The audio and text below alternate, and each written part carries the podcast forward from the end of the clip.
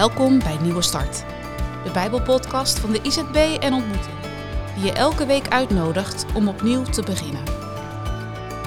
Soms kan het leven ingewikkeld zijn, maar je hoeft het niet alleen te doen. Deze week heeft Nico van Spunter een boodschap voor je. Laatst had ik een gesprek met iemand die zich afvroeg wie Jezus was. Was Jezus nu een leraar, een wonderdoener, een profeet of wat dan ook? Het is een vraag die velen de hele geschiedenis door heeft beziggehouden.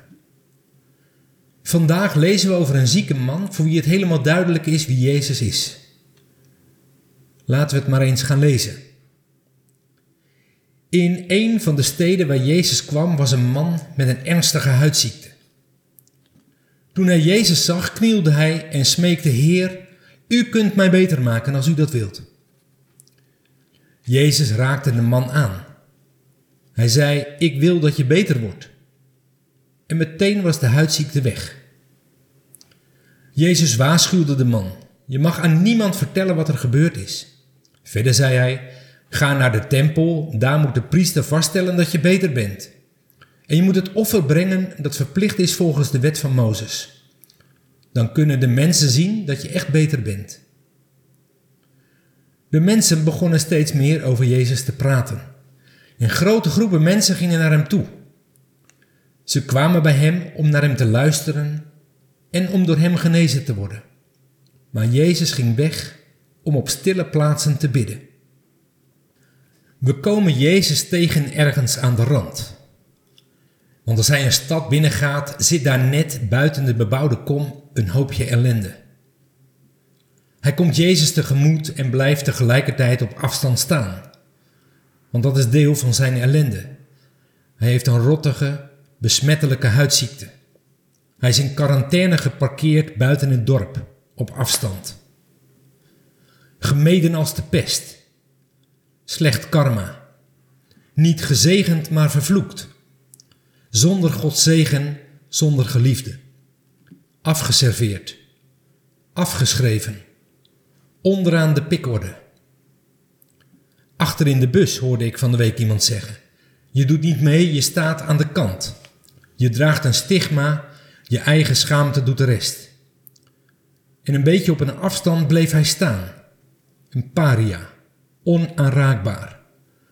Een mens om wie je bij voorkeur wat omheen leeft. Hij zal misschien wel een ratel bij zich hebben gedragen om de naderende groep bezoekers te waarschuwen voor besmetting. Maar zijn ratel wordt al snel overstemd door zijn schreeuw. Een noodkreet die door merg en been gaat. Heer, heb medelijden met mij, Kiri Eleisan. Ontferm u over mij. Want als u het wilt, dan kunt u mij gezond maken. En Jezus raakt tegen alle regels in de man aan. En spreekt de woorden, ik wil dat je beter wordt. En het gebeurt. Bij de priester aangekomen wordt hij inderdaad gereinigd, rein verklaard. De vloek is verbroken. De ban is opgeheven. Door de donkere wolken breekt de zon door. Wat een wonder. Het leven lacht hem weer toe. De deuren zwaaien open en je kunt je voorstellen dat het eerste wat hij doet, is als een speer teruggaan naar je geliefde. Naar huis. Je geliefde in de armen vliegen. Selfies maken en posten. Reageren op likes en berichtjes. Een afterparty organiseren. Een telefoontje naar je werkgever dat je weer beschikbaar bent. Kortom, ineens heb je een hele to-do-list te doen. Je bent weer terug in de red race. En al snel lijkt het alsof je nooit bent weg geweest. Het bijzondere is dat Jezus de man uitdrukkelijk de opdracht geeft om het aan niemand te vertellen wat er is gebeurd.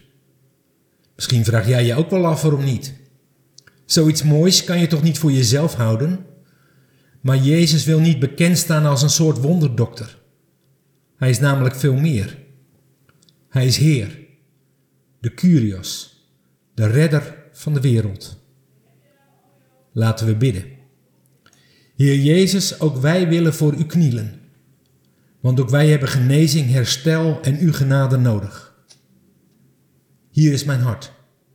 Vernieuw ons diepste verlangen en help mij u te volgen als de Heer van mijn leven. Amen.